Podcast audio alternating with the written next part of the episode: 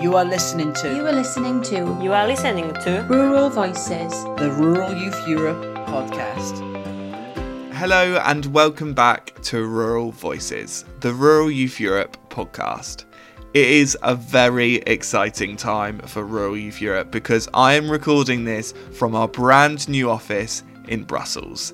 We have officially moved our office from Helsinki to here in Brussels, and I have hopped over on the train from the UK for a very special event. As part of the Cocoreado project, we have organised a policy workshop focused on empowering young citizens' involvement towards sustainable food systems. We've brought together policymakers from EU institutions, as well as Cocoreado project partners and ambassadors, to discuss and highlight the work of Cocoreado, as well as unveil our new project policy brief. What better way to mark a new chapter here in Brussels than host a policy workshop here in the city that is home to the European Union?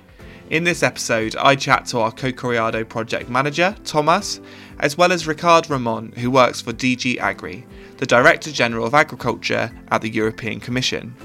I also catch up with Lisa, one of our project partners from Ilvo, as well as Cocoreado ambassador Carlo, who chats about the future of the network. Here's what's to come in the episode. We are in a very complex moment where we need to build bridges eh, between producers and consumers, and in that process, uh, young people are central. this way of working, this way of interacting with ambassadors, that is something that was everybody was interested in. Like, how did you do it? Where did you find them? How did you select them?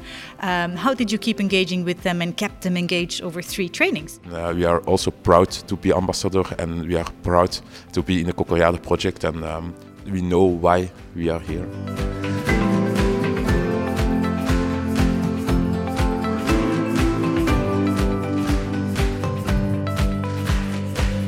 That we have arrived in Brussels for the Cocoreado policy workshop here this morning. Thomas, how are you feeling? What have we got in store for the rest of the day? Hi Dan, uh, good morning. Um, to be honest, I'm feeling very excited and very well to be here today in Brussels. Uh, certainly, we are at the right place and on right time to organize an event like this, um, following up the latest agriculture issues um, that, as you know, are that are putting on the spotlight several farmers' concerns uh, around all uh, Europe. Um, in fact, today we are conducting this policy workshop on empowering young citizens' involvement towards sustainable food systems, uh, where we will present the process of Cocoreado ambassadorship as an example of multi-actor approach methodology within EU projects, and also uh, introduce our policy brief on the same topic of the workshop, so that we can further discuss it uh, with the participants today. And speaking of those participants, who are you expecting to arrive today? Who's getting involved with this workshop? Yeah, it's going to be exciting because uh, today we have more than 20 people um, participating at the workshop uh, and a diversity of relevant stakeholders. Uh, as for instance, instance then, uh, we are going to have EU level organizations as DG Agri and DG RTD, international organization as UNFAO, three youth organizations, the partners of Cocoreado, and young citizens, the most important, uh, I would say, participants today, because it's going to be about them. Uh, and for sure, it will be a very productive event, and we expect to achieve great outcomes from this. Amazing, exciting. Why do you think it's important that organisations such as DG Agri are attending this workshop? Why is that important? Yeah, so for, for those who might not know um, who, whom uh, DG Agri is, so the DG Agri is the um, Commission Director General for Agriculture and Rural Development in, in EU and is responsible for all EU policy on agriculture and rural development. Um, so it deals with all the aspects of the Common Agriculture Policy, CAP. Um, so you can imagine then that is the major role that they have. They manage, manage several aspects that are put in practice of everyday lives of European farmers. So that fact it, it will makes uh, so important having them here today since they are one of the ultimate decision makers uh, when it comes to define policy for agriculture sector and we want to inform them uh, on the needs of the farmers as well as the um, project recommendations for that needs so thus having an open communication channel with the, such organization at higher level um, in EU is so important for us. Amazing, brilliant. That is incredibly exciting. I'm going to leave you to it because you've got lots to prepare uh, for the rest of the morning. I'm going to hopefully try and speak to one of the members of the DG Agri team, um, as well as a Cocoreado ambassador and uh, one of the partners of the project as well. So it's going to be a busy morning, and I hope you have have a good one. For sure, then. See you at the end of the event.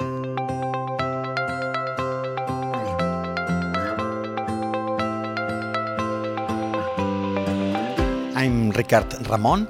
I work uh, at the European Commission, at the, the Director General for Agriculture, and I've been working for the last 20 years in policy development and strategy in the field of agricultural policy.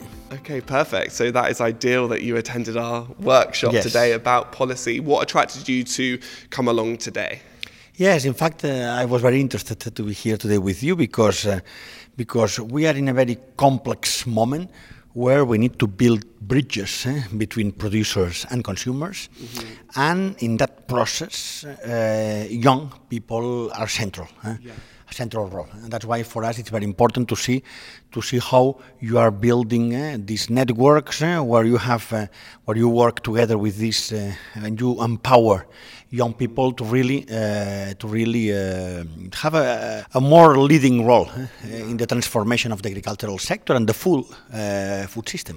And why do you think that's important? Because Thomas today was talking about, at one point he mentioned the statistic about, I think it was around 11% of people working in agriculture were under the age of Yeah. 40. Why is it so important then that we engage young people? Yes, because yeah, uh, indeed. I mean, the, the number of young farmers, unfortunately, it's very low. Eh? So, so the, the, the, the farming community is is becoming older and older, and that's why it's very important for us that the young ones, the ones who start, the ones who start, and who are the ones who have a long-term perspective, eh, really eh, have the appropriate skills, eh, really, really are people to look ahead, eh, and to really and engage also with the rest of the society, which is the big, which is the biggest challenge today, the link between agriculture, the rural communities, and the rest of the society. Yeah, for sure. How do we get young people interested in this then? How do we get them around the table and how do we get them involved in decision making? Yeah, the, uh, on this, so in decision making, I can tell you we are quite lucky that uh, young organizations are quite well organized at European level. And, uh, and at least in Brussels, in the European institutions, at least here, we are quite aware and we are quite conscious that we need to find uh, people uh, in key places and we really want to listen the youngsters. eh, So that's for us that's quite important. In that sense, we are quite we are quite interested always eh, when we have uh, discussions, when we have debates, when we think about the future, and uh, because for us the future is not tomorrow. The future is 10, 20, 50 years, and and in order to build the future for the next uh, 30 years, you need to build that with the people who are starting, people who are young.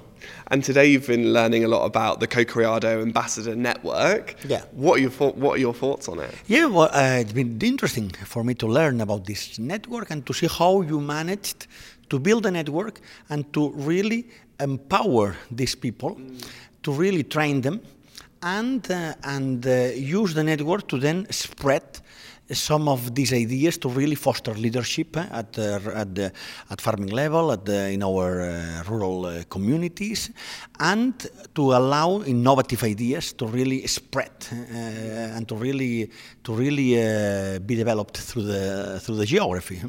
So what would be your advice then to the ambassadors and to this network? What can they do to influence people like you? Like what, what's their ne- that next step? Do you have any advice to them?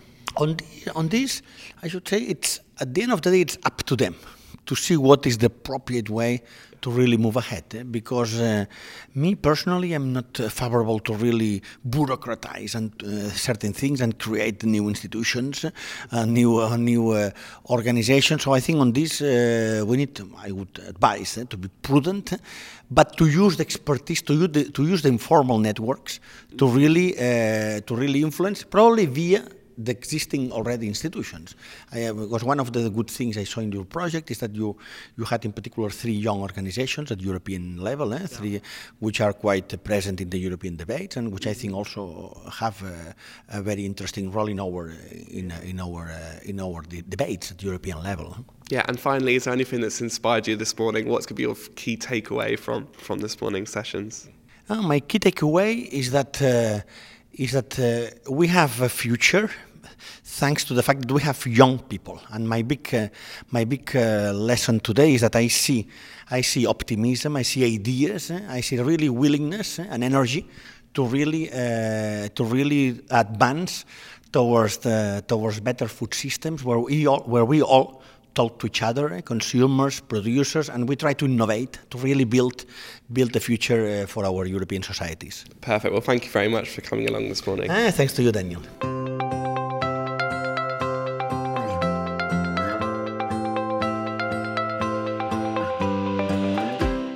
Lisa from Ilvo, you are no stranger to the podcast. We have spoken at a Cocoreado Ambassador Training before on the podcast. I believe that was in Pamplona. It, It was, was, in Pamplona yes. where we last spoke. Um, so this morning we have had this workshop all about policy work. We had lots of discussions about how to empower young people and get them in front of policymakers and using the network. What were some of your takeaways from those discussions? Yeah, it was very valuable to listen to these policymakers from different organizations, different levels, uh, international, European level. Um, because we have this idea that we're so proud of our ambassador network and we really want to make sure that it keep on go- can keep on going. Um, but then we, are, we assume that, they, that this has a big value to policymakers because it's Europe, you know, and they say we really need to engage with young people from, from all over Europe. That's, that's crucial. That's the basic European thought. But at the same time, they also put uh, our feet back on the ground a bit and say, yeah, but there's already many networks out there, and um, we are already engaging with these or with those, and we have so many living labs, we hardly have the overview. So what we actually la- lack is a bit of uh, connection between them.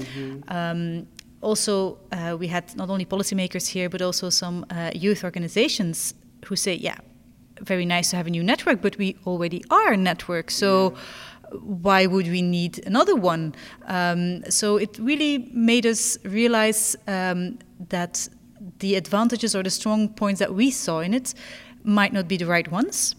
Um, there's good news as well, though, because uh, they did say, like, okay, these individuals are unique in a way, the ones that we have found here, um, because for one, they're not professional uh, not all of them are professionals in, in doing this. Many of the people that Europe is interacting with, uh, like local stakeholders, are often usual suspects. And that was not the case here. So that was pretty unique. So, in that sense, they are very relevant.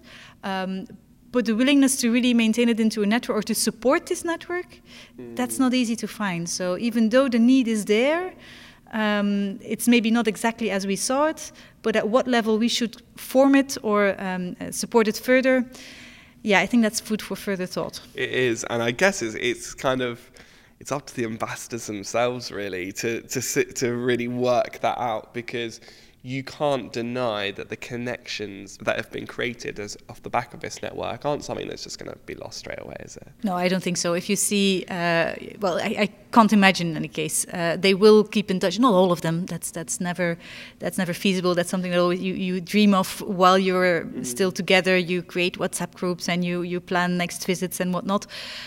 Reality is always a bit a bit different from that, which is fine. But some of them will for sure connect for I hope for a very long time, and they will will benefit yeah. from each other. That that is and that is already a huge win. That's already great to have achieved yeah. that, um, and and just enjoy what what's there. But it would be a pity to, to, to leave it just at that. I do yeah. think there is there should be something more to be to be done with it, and not only with the ambassadors as such, but that's another thing that came out of the of the discussions today uh, with the concept of working with these types of ambassadors. So maybe it doesn't it shouldn't necessarily be the exact same group. Maybe some of them could remain. Um, but it would be interesting to to have this way of working, this way of interacting with ambassadors. That is something that was everybody was interested in. Like, how did you do it? Where did you find them? How did you select them? Um, how did you keep engaging with them and kept them engaged over three trainings? Um, and so I think there. Uh, there is some value in that, which is, of course, maybe not necessarily what our current ambassadors would love to hear. So no. that's that's a bit for me ah, emotionally, that's uh, it, yeah. it, touches on something. Let's I say. I mean, you were here, were here this morning talking about the multi-actor approach and how important that is. And I mean, this morning was an example of that. But the Cocoreado network is a key example of that. So actually, if we've highlighted that, that's surely a brilliant Yeah, for sure, for sure. I think the policymakers here have now heard about our project. Um, I think we might have uh, tickled them, uh, their curiosity uh, enough to come to our final conference. I hope there they can interact with some of our ambassadors because we will uh, keep inviting them and bringing them over. I think having these ambassador testimonials, like we had Carlos today, is still the best way of uh, uh, marketing this Yeah. network, if you will. Um, so that for sure is is already very valuable and, and, and a good outcome of, of this workshop. For sure, we've tickled their curiosity. G- a good first step. Brilliant. Thank you, Lisa. Very welcome. Bye, Daniel.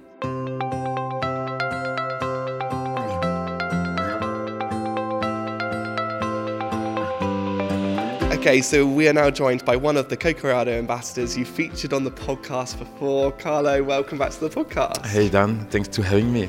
Um, how did you find this morning? You were here talking about Cocoreado and the ambassador network in front of policymakers this morning. How did you find it? Uh, it was a little bit stressful, but uh, in the end of the day, uh, it um, it seemed to be um, good to represent uh, the ambassador group.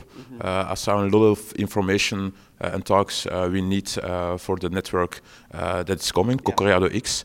Um, I'm I'm I'm happy to be here today, and I think uh, um, this is necessary um, to make the network uh, bigger uh, to know a little bit uh, where we are standing today.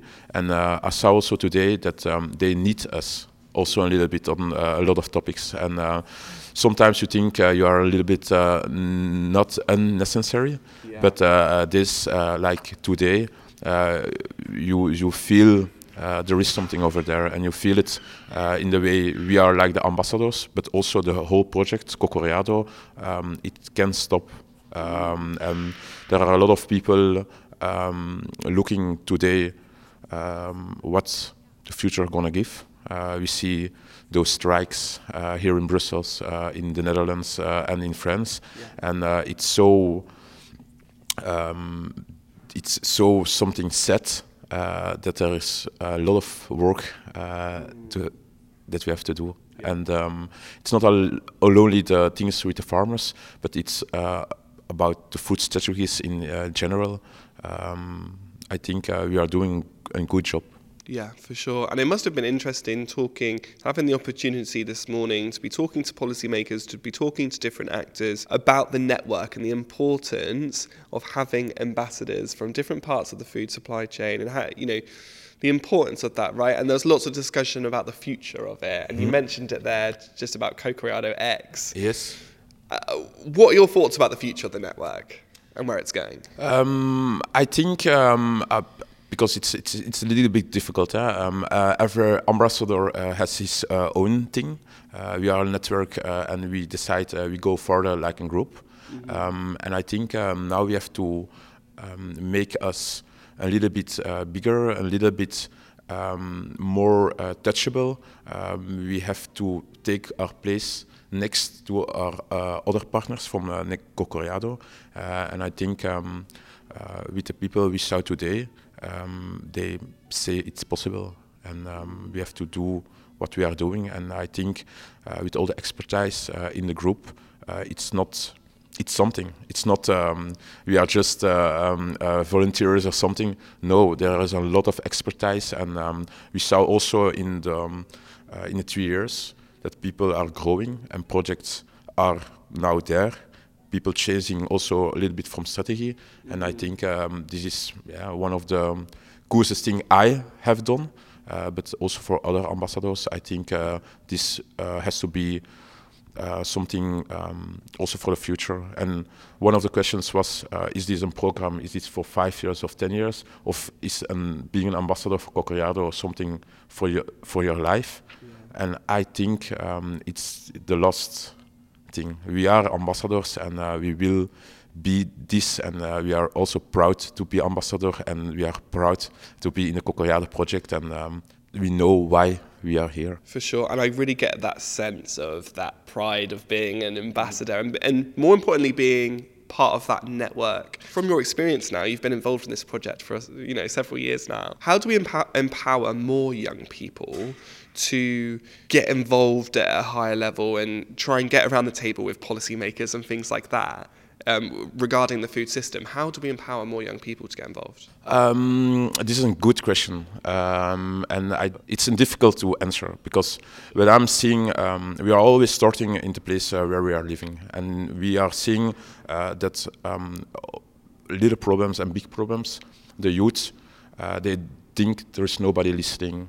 Uh, they don't. Um, uh, believe in uh, politics. Um, um, they don't believe in elections anymore and stuff like this. They see the news; it's all negative. But we are today in Brussels, and we see that everything is possible. Yeah. Um, everything is possible when you find a way to receive your goals. Um, you can talk maybe with a minister of the young people have to understand that they are a part of Europe, they are a part of this world from this community, and they have to go when they have like a question or something. They have to do it, and they have to look for the the way uh, to receive that, uh, achieve that.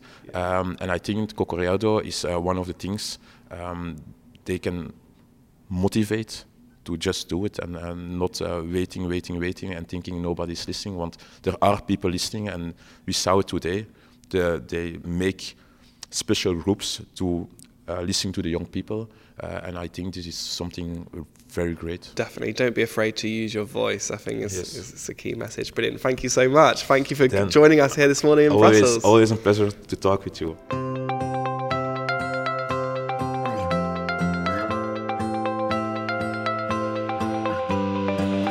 Okay, so the policy workshop has just come to an end. Thomas, how do you feel like it went? How did it go? Well, then, uh, as you can see from my happy and smiling expression, that uh, the event really has exceeded the expectations. Um, as I told you this morning before starting the workshop, we were expecting to achieve great outcomes from this. Um, I can say that we achieved more than we expected. The event was great. Uh, it proved to have the ideal participants, and that fact really helped a lot. And certainly, uh, I believe that every participant was able to get something from this event and at the same time give valuable inputs and contributions to it. Um, we can say that was a major milestone, not only to disseminate Cocoreado activities, uh, but that also impressed the participants mainly on how Cocoreado developed and fostered a significant network of young citizens from diverse backgrounds. And during the workshop, you introduced the policy brief. Um, how did that go down with the participants? Uh, yeah, then uh, it really went down very well. Um, the policy brief on empowering young citizens' uh, involvement towards sustainable food system gathered a complete unanimity about the urgent needs of the agriculture sector um, that we identified throughout the project, such as for example, growing awareness and consciousness of consumers towards sustainability and fairness in food system.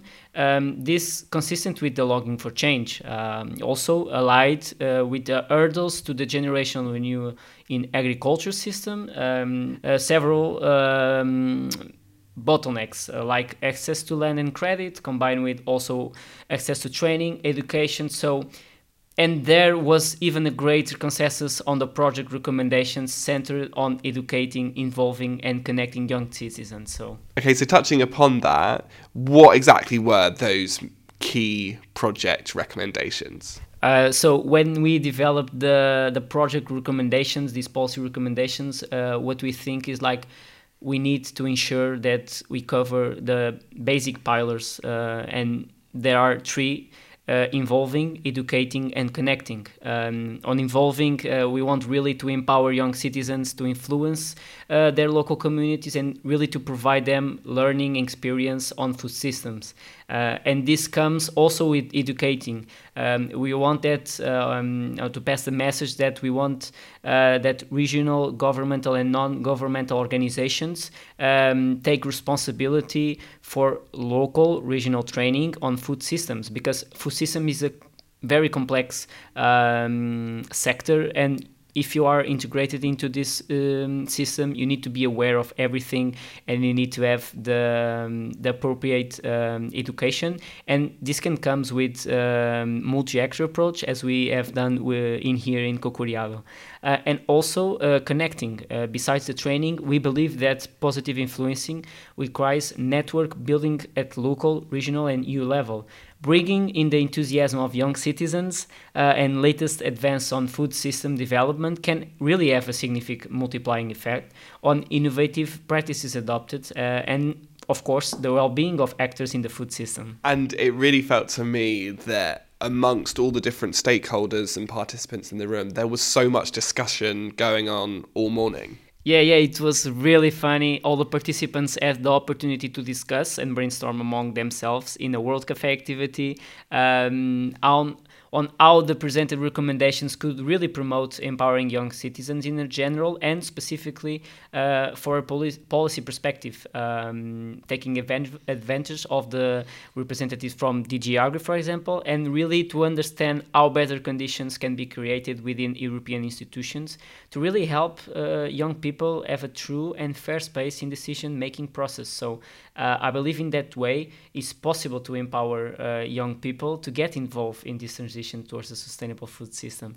Uh, overall, it was a great event that promoted uh, high visibility for the activities of Cocoreado, um, namely also on the policy brief developed, as well as, of course, fostering connections and debates between policymakers from EU level institutions and young citizens. Amazing. Well, it was clearly an incredibly positive event. So well done on that. Um, so coming up, what have we got to look forward to, sort of Cocoreado wise? What is coming up for the Cocoreado project? So I would say that the seed was planted, and we'll see how it sprout in the future. Um, this year will be about disseminating the outcomes of Cocoreado, so all the work developed um, in the um, past few years. Our ambassadors are already very capable uh, of uh, being active, more active even uh, on local communities, on national level communities. So um, it's a year to spread this knowledge that we pass um, within Cocoreado and